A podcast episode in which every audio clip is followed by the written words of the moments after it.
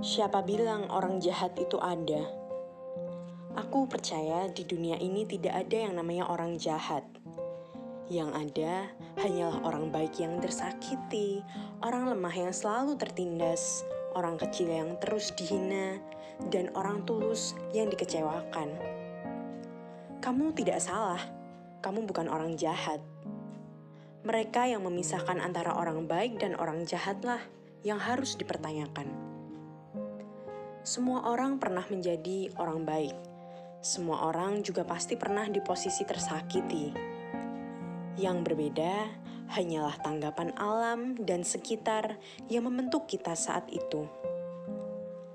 Jadi, pesan aku, sayangi sesamamu, jangan menghakimi, tetapi perhatikanlah sekitar dan pribadimu.